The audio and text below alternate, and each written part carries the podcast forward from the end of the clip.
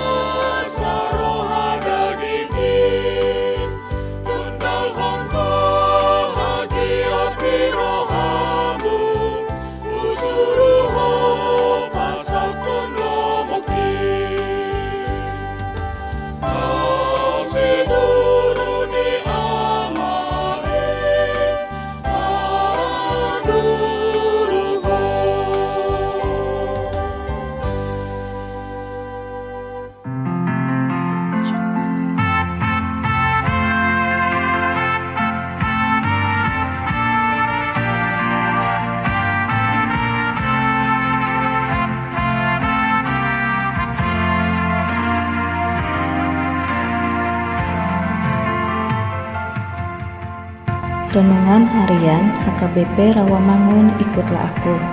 Kamis 11 Januari 2024 dengan judul Aku pun diutus. Bacaan kita pada pagi ini tertulis di dalam Injil Matius pasal 12 ayat 38 sampai dengan 42 Bacaan kita pada malam ini tertulis di dalam Roma pasal 8 ayat 28 sampai dengan 30 dan kebenaran firman Tuhan yang menjadi ayat renungan kita hari ini tertulis di dalam Injil Matius pasal 10 ayat 16 yang berbunyi Lihat aku mengutus kamu seperti domba ke tengah-tengah serigala. Sebab itu hendaklah kamu cerdik seperti ular dan tulus seperti merpati. Demikian firman Tuhan Sahabat ikutlah aku yang dikasihi Tuhan Yesus.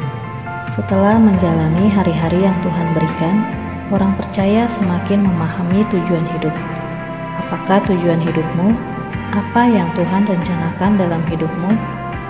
Bagi banyak orang, hidupnya adalah untuk menggapai segala sesuatu yang diinginkan oleh hatinya.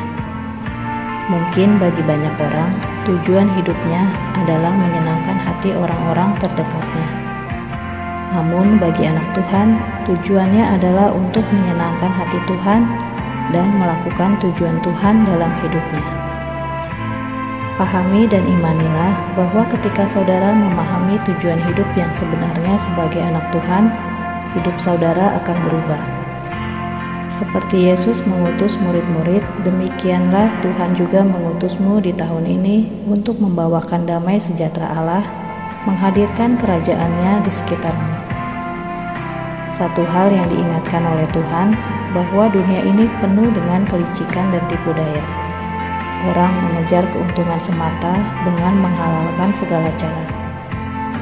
Tapi Yesus dengan tegas berkata bahwa ketika dia mengutusmu tahun ini adalah cerdik seperti ular, berarti menggunakan pertimbangan benar dan salah dalam mengambil keputusan. Sementara tulus seperti merpati berarti memiliki kebaikan.